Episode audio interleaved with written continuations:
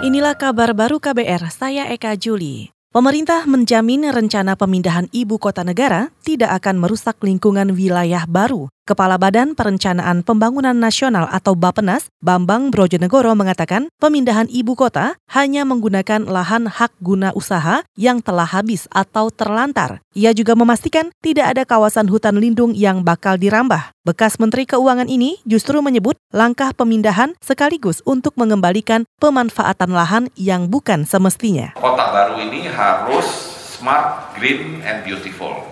Greennya ini sangat penting karena seperti yang Pak Presiden tekankan ketika di Bukit Soeharto, kalau misalnya wilayah ibu kota baru ini ada di sekitar Bukit Soeharto, Bukit Soeharto tidak akan diganggu gugat. Ya karena itu adalah hutan lindung. Jadi kita komit tidak mengurangi hutan lindungnya. Kepala Bapenas Bambang Brojonegoro juga menambahkan, pemerintah masih menyusun kajian komprehensif untuk menentukan lokasi ibu kota baru. Hal ini nantinya akan diikuti dengan revisi rencana tata ruang wilayah atau RT RW provinsi terpilih. Pemerintah juga akan segera mendata lahan dengan HGU yang sudah habis atau mangkrak.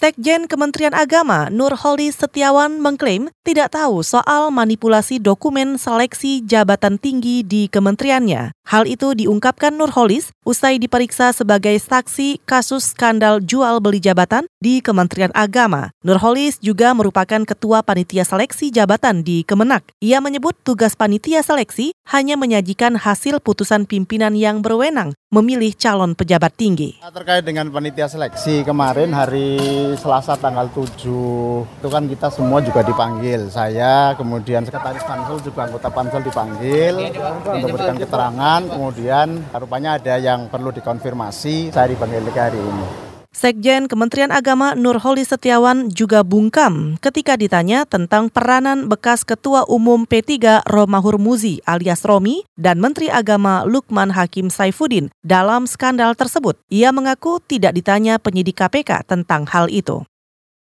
Kita ke informasi pemilu. Badan Pengawas Pemilu atau Bawaslu menunggu pemberian kesimpulan dari dua pihak terkait perkara dugaan kecurangan dalam sistem informasi perhitungan suara atau situng Pilpres KPU. Dua pihak itu adalah Badan Pemenangan Nasional Prabowo Subianto Sandiaga Uno selaku pelapor dan Komisi Pemilihan Umum atau KPU selaku terlapor. Komisioner Bawaslu Fritz Edward Siregar mengatakan lembaganya akan menggelar sidang pleno untuk mengambil keputusan.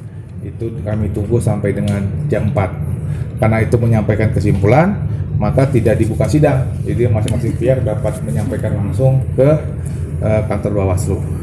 Bagaimana putusannya dan kapan nanti kami harus pleno dulu berdiskusi mengenai perkara ini baru nanti kami akan manggil para pihak untuk uh, memanggil kapan hari putusan Komisioner Bawaslu Fritz Edward Siregar juga memastikan lembaganya bakal mengambil keputusan soal perkara itu meski KPU dan BPN tidak menyerahkan kesimpulan. Keputusan yang dijatuhkan Bawaslu didasarkan pada hasil penyelidikan yang telah dilakukan. Dalam perkara ini, BPN menuding KPU curang karena menginput data yang salah untuk memenangkan paslon Joko Widodo Ma'ruf Amin. KPU membantah tudingan itu dengan menyebut kesalahan input murni kesalahan manusia atau human error.